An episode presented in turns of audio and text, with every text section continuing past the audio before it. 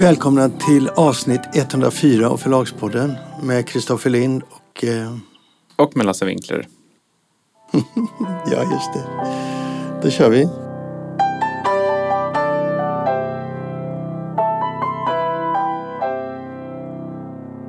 Vad börjar vi med tycker du? Nej, vi kan börja med Bonnier och Norge. Det som har hänt är ju två intressanta saker. Vi berättade ju förra podden om att eh, det hade hänt något väldigt ovanligt, nämligen att förlaget Gyllendal hade stämt sin författare Jörn Lirhorst. Och han hade i sin tur motstämt dem. De hade stämt honom för att han hade flyttat på sina rättigheter. Han hade stämt dem för inkomstbortfall. Och nu har det kommit ett beslut från domstolen och eh, eh domstolen ger honom rätt. Han hade rätt att flytta på sina böcker, ta tillbaka sina rättigheter. Men han eh, kan inte få skadestånd. Och Gyllendal säger att de ska överklaga detta så detta lär ju då fortsätta och vilket är väldigt intressant. Men sen har det hänt en annan sak som är kanske nästan ännu större och det är att konkurrenstillsynet, alltså den norska motsvarigheten till Konkurrensverket, har i någon slags förhandsbesked sagt att de ser väldigt negativt på Bonniers köp av Storytel.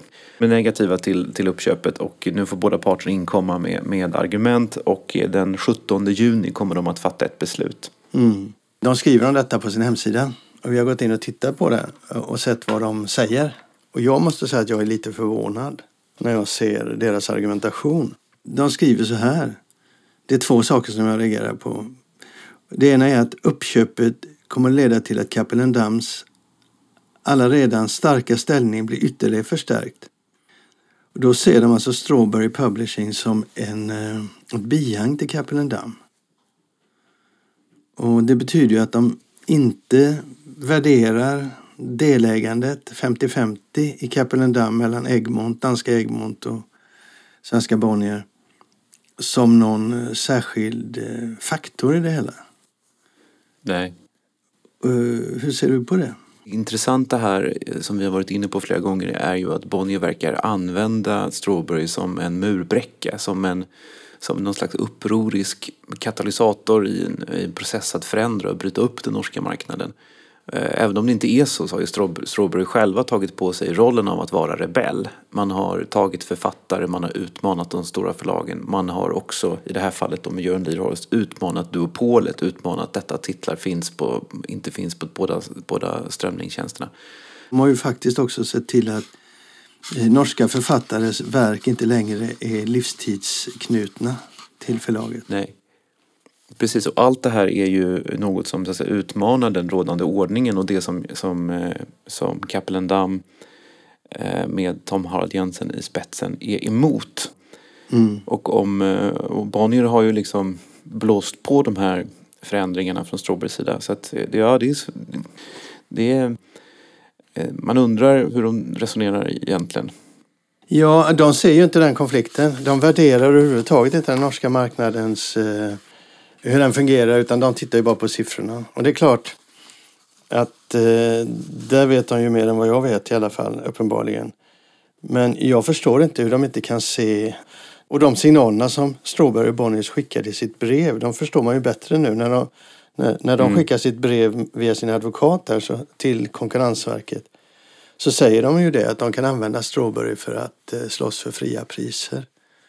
Och det skulle ju i allra högsta grad förändra situationen för, eh, för Konkurrensverket. För de skriver så här också.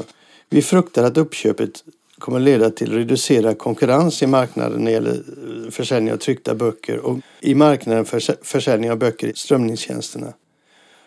Och att ett reducerad konkurrens kan leda till att priserna för kunderna ökar. Då blir jag ännu Nej, mer förvånad. Det är, visst, det, det är konstigt.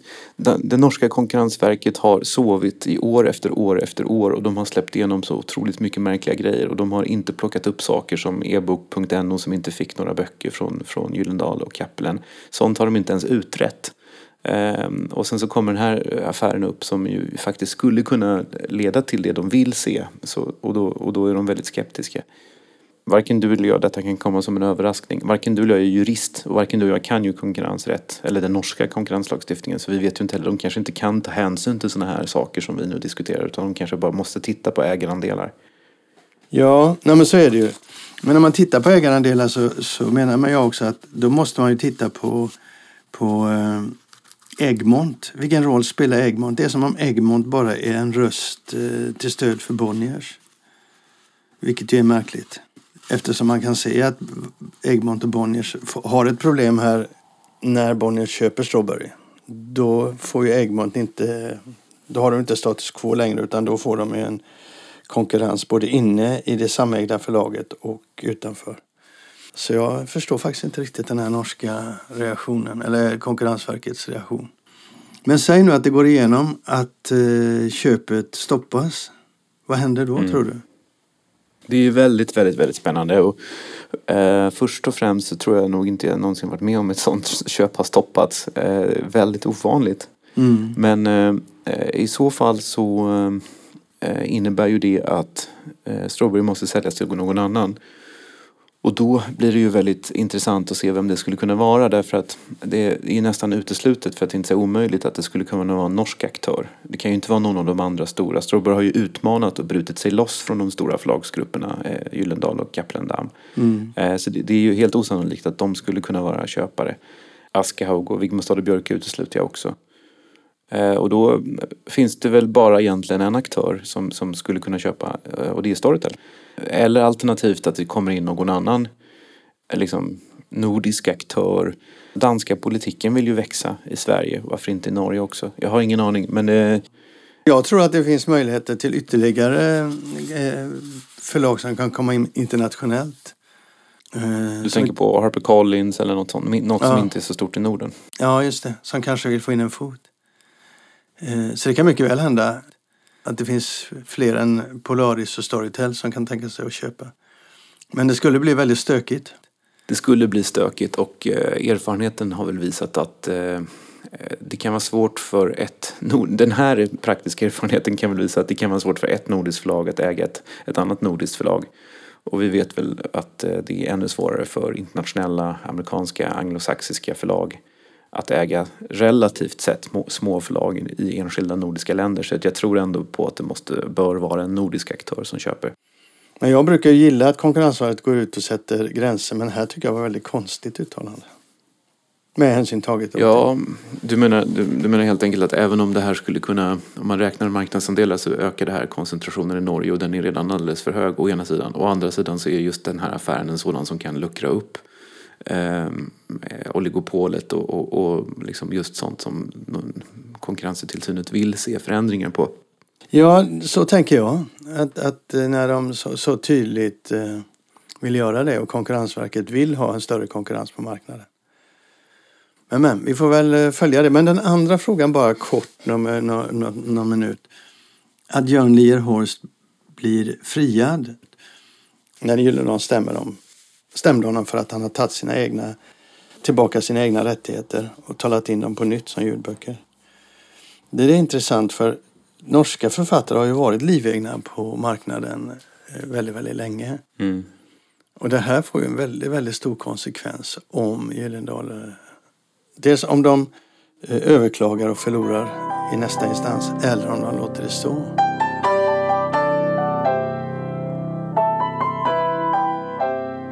En liten grej i slutet här nu. Adlibris blir medlemmar i Bokhandlarföreningen nu. Vilket är ja. lite unikt. Deras butiker, fysiska butiker, blir medlemmar. Inte nättjänsten. Okay. Så där finns det ett väldigt motstånd från, eh, från bokhandlare i Sverige. Men jag frågade Zachary Lovio då hur de ser på det här, varför de har sökt medlemskap i Bokhandlarföreningen. Så är det för att de tycker att de ska vara med i den organisationen. De har de vill ha informationen, de vill ha kunskapen och de vill så småningom vara med och påverka. Men det där är nog en eh, fråga som kan bli explosiv så småningom. Mm. Eftersom många fysiska bokhandlare inte vill ha med dem. Men så är det. Nu i maj blir de medlemmar i, i Svenska Bokhandlarföreningen. Ja. ja, det kan ju vara något positivt å ena sidan. Å andra sidan så är det ju de, har ju, de oberoende boklådorna enskilda har ju väldigt lite gemensamt med Adlibris. Mm, det har de. Vi får följa det.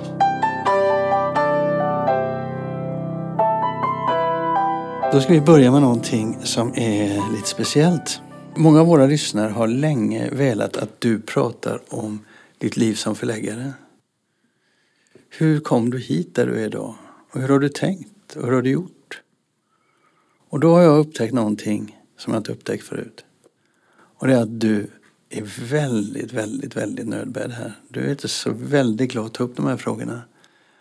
Och då tänkte jag, hur gör jag nu? För jag tror att nämligen om du gör det, om du berättar det du har varit med om på ett lika öppet sätt som du brukar prata, så kommer väldigt många att älska att lyssna på det för de kommer att lära sig så mycket.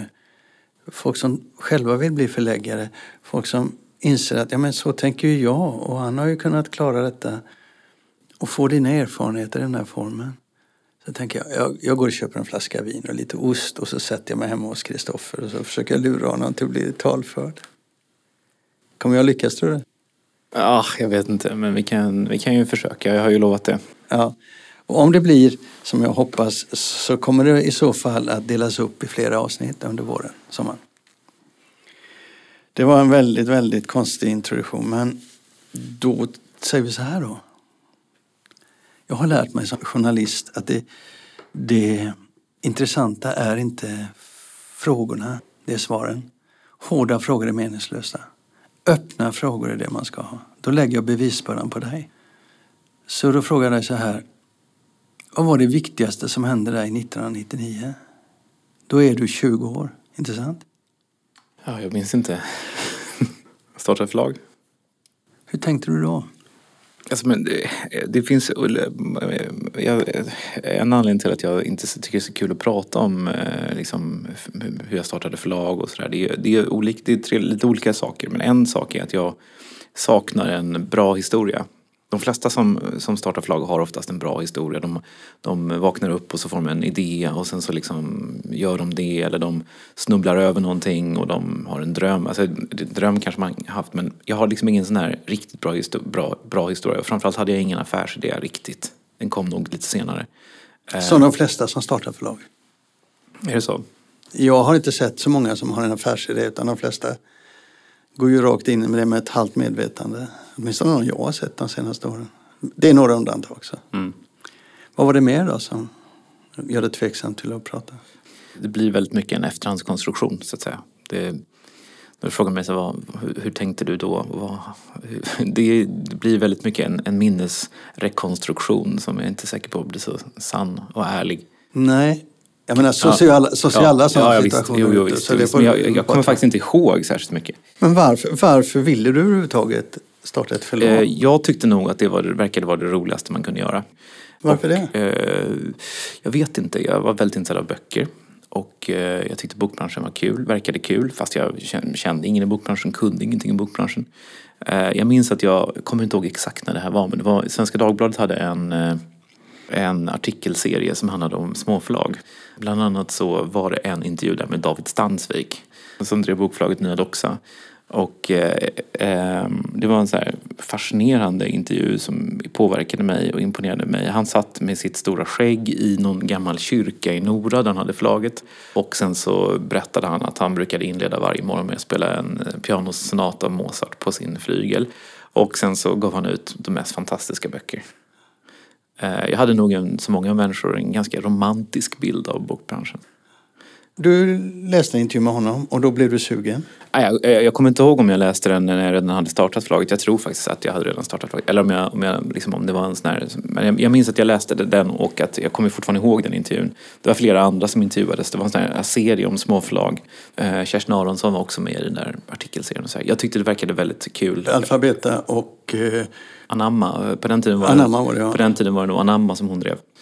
Ehm, jag tyckte det verkade fantastiskt. Jag älskade böcker och eh, jag tänkte att man eh, måste kunna starta ett förlag ganska lätt, tänkte jag. Eh, och jag räknade sådär som man gör att ja, men en bok kostar ju typ 20 kronor att trycka och sen så liksom säljer man 2000 ex så har man ju tjänat hur mycket pengar som helst och hur svårt kan det vara?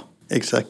Men, men har du med dig något hemifrån? Var det, var det någon du pratade med? Ganska snart så fick jag ju liksom folk som, som kontakt med folk som hjälpte till och liksom, eh, gav mig goda råd och så. Men det var rätt ensamt nog ändå liksom, och det var ändå jag som var drivande. Det började då med att jag tänkte så här, men det kan inte vara så svårt. Så jag gav ut en bok och det var ju skitsvårt att sälja eh, 2000 ex upptäckte jag. Vilken bok var det? Eh, Karl August Ehrensvärds Det var en, en klassiker. Eh, Resa till Italien och andra ja, skrifter. Ja, precis. Varför den?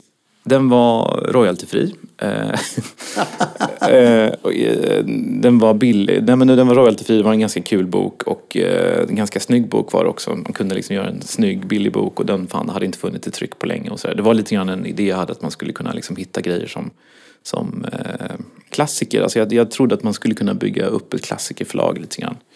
Eh, och jag var liksom också väldigt imponerad av Atlantis. Eh, som ju Då under Kjell... Eh, Petterssons tid. Som, Ja. ju, som ju då verkligen var det ledande klassikerförlaget och som hade en Exakt. fantastisk utgivning. Inte bara av klassiker utan också historia som jag också var väldigt intresserad av.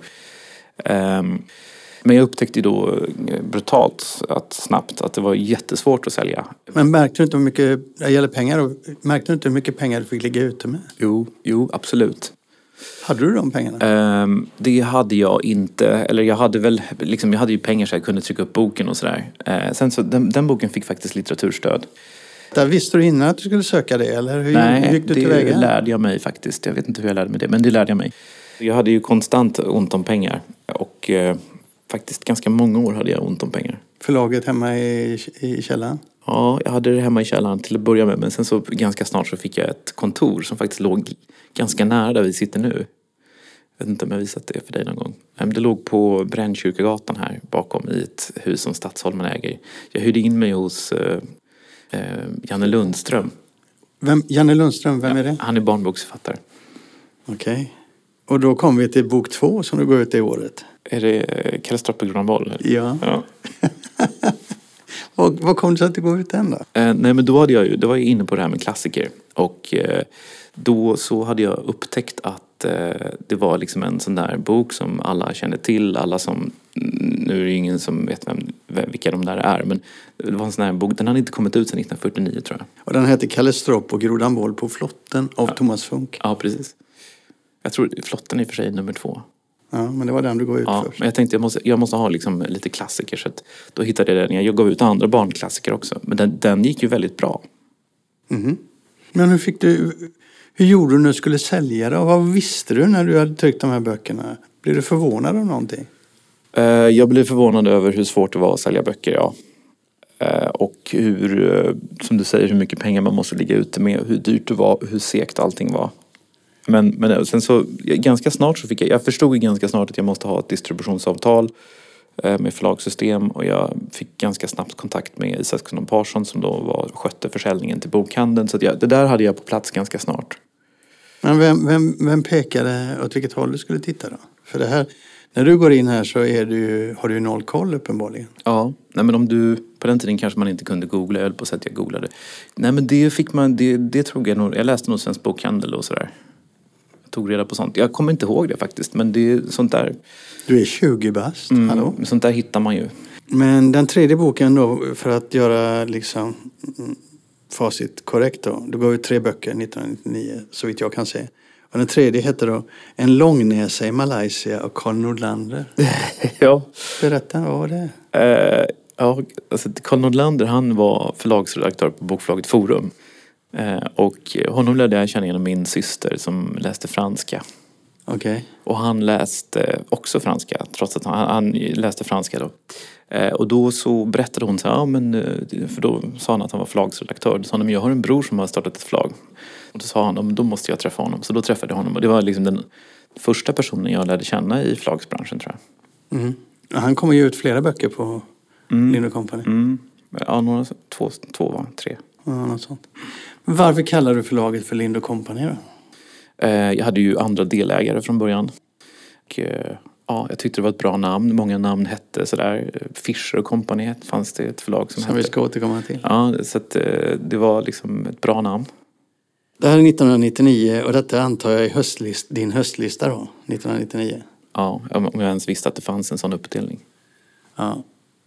Och då när året är slut, hur är läget då för dig? Hur menar du? Tre böcker, rätt mycket pengar ut. Ännu har du inte fått in några pengar för det fick du väl också lära dig väldigt tidigt att, att du får lägga ut de här pengarna länge innan du får tillbaka från förlagen. Ja, eller från bokhandeln. Mm, från bokhandeln menar jag.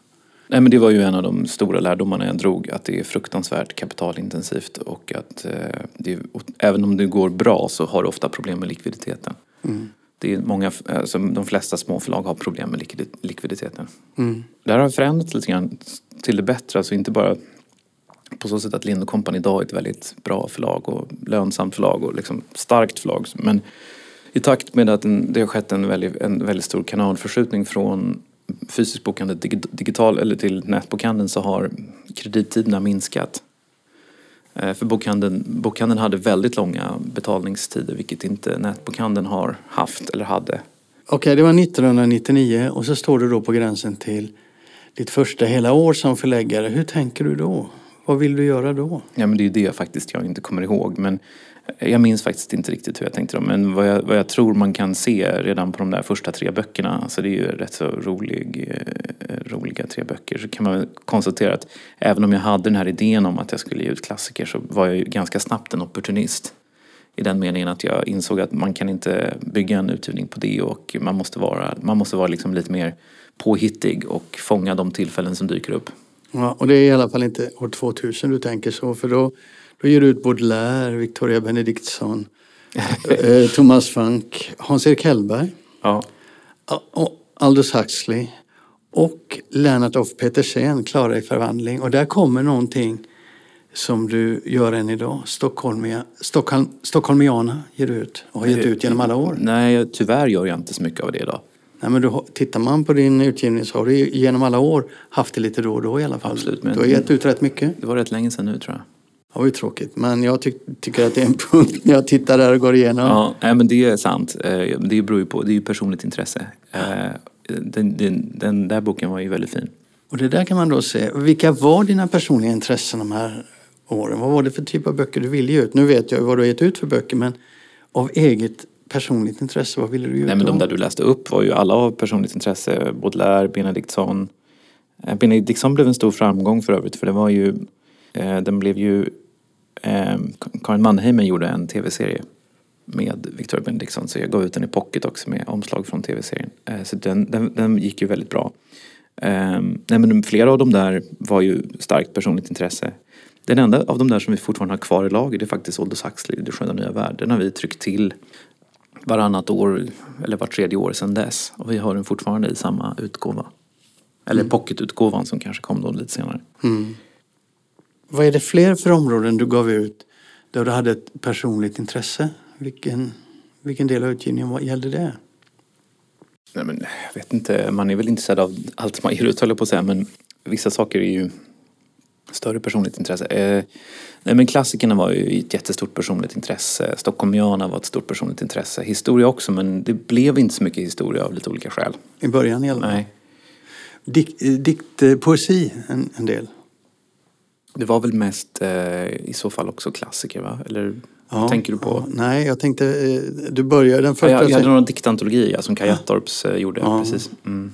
Och sen Achmatova? Ja, det är långt senare. Ja. Men sen har du alla de här klassikerna, Faulkner, Mys, Mysil, Calvino, Musil, ja. Calvino, Italo Calvino. Uh, Camus, Duras, Auster, Tolstoj, en jävla massa klassiker. Ja, det är bra namn. Det är bra namn. Vad är, vad är uh, det gemensamma för dem?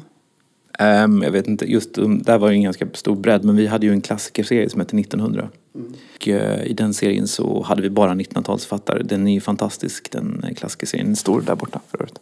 Alla de där svarta ryggarna. Ja, just det. Kan det vara 20-tal, 25 titlar? Ja, jag tror vi gjorde... Ja, 20-tal kan det vara. Eh, och eh, den, den, är, den är verkligen fin. Var, Där... den, var den lönsam?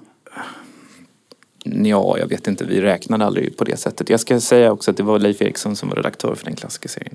Vi ska komma in på Leif Eriksson sen. Äh... Han var väldigt bred i sitt sätt att arbeta. Ja, men, eh, och han var väldigt viktig för den. Men eh, det var ju liksom ett flaggskepp får man väl säga. Liksom, jag var väldigt stolt över den klassiska serien. Men det, var väldigt olika. Vissa böcker gick väldigt bra, vissa gick inte alls bra. Eh, det, det finns ju även liksom trender inom klassiker. Mm. Men sen så kom du på, det ser i alla fall ut som du kom på någonting som du skulle satsa på. Och det var citatsamlingarna. Ja. Du gav ut citatsamlingar till förbannelse. Alltså du hittade den minsta lilla vinkel så, så drog du alltså, iväg en citatsamling. Du har verkligen gjort research. Du har, har du gått igenom KB-listor? Eller? Ja. Ja, vad pinsamt. Nej men det, det är riktigt. Det, eh, men det började ju med en bok som Leif Eriksson och jag gjorde som hette Världens elakaste citat. Eh, den boken blev en stor framgång. Jag tror att den sålde typ 65 000 ex. Mm, och då tänkte du, jädrar. Varför, varför tänkte du överhuvudtaget på gjuten? Jag tror att jag har snodde idén från en annan citatbok. Eh, ofta är det så att bra idéer har man snott av någon annan. Och det, jag tror att det var någon annan, någon liknande bok eh, med, med, med cyniska citat som jag tyckte var kul. Liksom, för att eh, man, som motpol till såna här checka böcker med sentenser av slaget det gör ont att gå på vassa stenar eller det blir mörkt när det skymmer. Så jag tyckte det var, liksom kul, det var en kul, liksom, kul typ av, av citat. Och världens elakaste citat tyckte jag var en liksom, kul titel, rolig paketering. Eh, Det kan ha varit en engelsk, eh, den där cyniska boken, jag vet inte. Men hur som helst så gjorde vi den och den sålde då 65 000 ex och det var ju fantastiskt bra. Och, och som slutsats av detta drog du följande. Nej men då gjorde vi en till, då gjorde vi världens roligaste citat. Ni gjorde inte en till, ni gjorde hur många citat Ja, som men vi som- gjorde ju inte alla samtidigt. Nej, men du mjölkade den, den linjen så att säga. Ja, det för vi. allt vad du var värd. Ja, Och det var du och, och framförallt Leif Eriksson då, som Ja. jobbade hårt med det där. Och sen kommer det, på kanten så kommer ju en annan man in. jag tror vi gjorde 250 000. Jag tror vi, så- jag tror vi sålde 250 000 totalt av de där citatböckerna faktiskt. Vi, har, vi tänkte att vi skulle plocka, plocka fram och ge ut den där elaka citaten på nytt. För det är liksom en...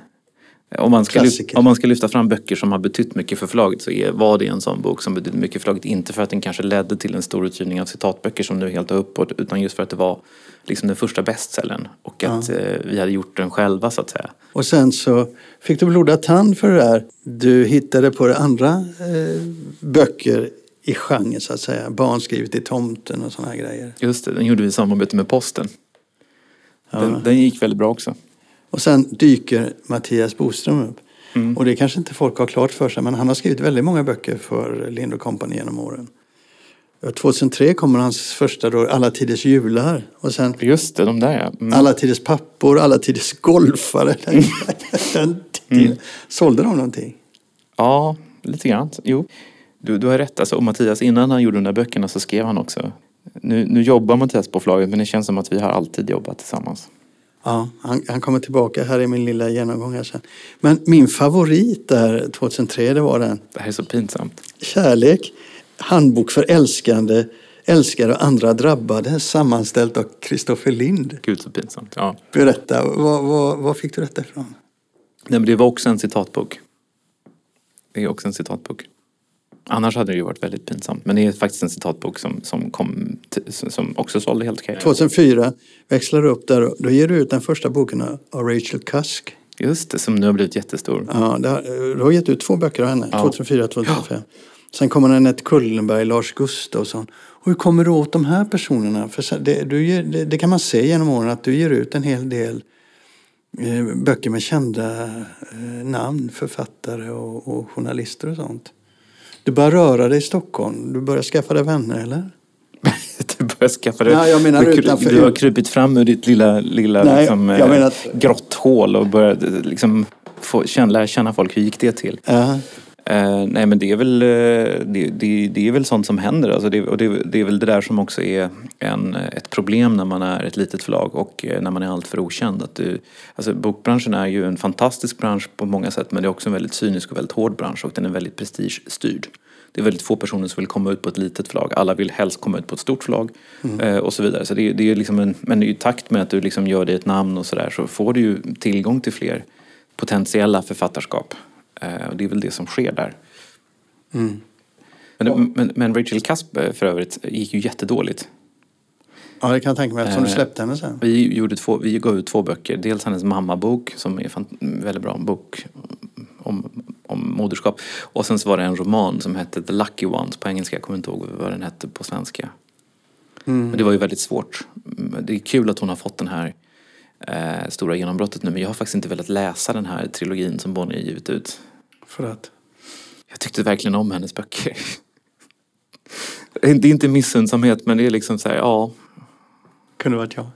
Ja, jag vet inte. Men det... Men det, det jag har ju lä- läst flera av hennes böcker även på, på engelska sen efter att vi slutade ut henne. Jag tycker det är en jättebra för, författare. Men eh, när, när, hon, när hon gjorde det, fick det där stora genomslaget så, så tappade jag intresset. Vad säger du om dig? Nej, men jag vet inte. Det, det, det där, så där är det ju liksom. Och det där gäller ju inte bara små förlag utan det gäller också stora. Alltså, jag gav ut en författare som är fantastisk som heter Sebastian Barry. Han sålde absolut ingenting. Han som nu är stor. plötsligt. Han är, inte, han, är, han är inte alls stor nu plötsligt, men Norstedt ser ut honom. Eh, och jag tror inte Norstedt säljer någonting. Skulle han vinna Nobelpriset skulle det vara väldigt bittert liksom. Men det, är så, men det är så det är. Du kan inte fortsätta med bra författare som inte säljer och ibland behöver de byta förlag och sådär. Jag ser att Norstedt ser ut Sebastian Berg. Jag eh, noterar recensionerna men jag har, jag har ingen lust att läsa honom. Är det så gäller det de alla som du har släppt? Ja. du är jävla god. Men du, det där, det där får mig komma in på en annan fråga. Om man ska vara en bra förläggare, en seriös förläggare, så har man gjort en jädra massa misstag på vägen. Mm, verkligen, enormt mycket misstag. Det går nämligen inte att bli Nej. förläggare på seriös förläggare utan att ha gjort Nej, dessa misstag. nej, så är det. Vilket är ditt värsta misstag? Enskild bok sådär som... Ja, Eller vad du vill, alltså som förläggare. Det är så svårt att säga för att Men du, efterhand, i efterhand när det har gått så bra för mig, relativt tätt får man ändå säga, så kan jag ju också kosta på mig att säga att hade jag, jag, menar, jag borde kanske inte gett ut exempelvis Anette Kullenberg för det ledde till väldigt mycket problem och bekymmer och en stämning och ambulansfärd och så vidare. Men det är klart att jag lärde mig väldigt mycket på henne och en sak som jag lärde mig på henne det var, apropå det här med kända namn och sånt, undvik de kända namnen, undvik liksom, jag har utvecklat en inre detektor som kan avslöja om en författare kommer medföra problem. den cl- cliffhangern tar vi nu. Och, och det här stoppar vi för detta avsnittet. Och så får vi höra i nästa avsnitt. Ja. Det var allt för Förlagspodden 104. Hej då! Hej då!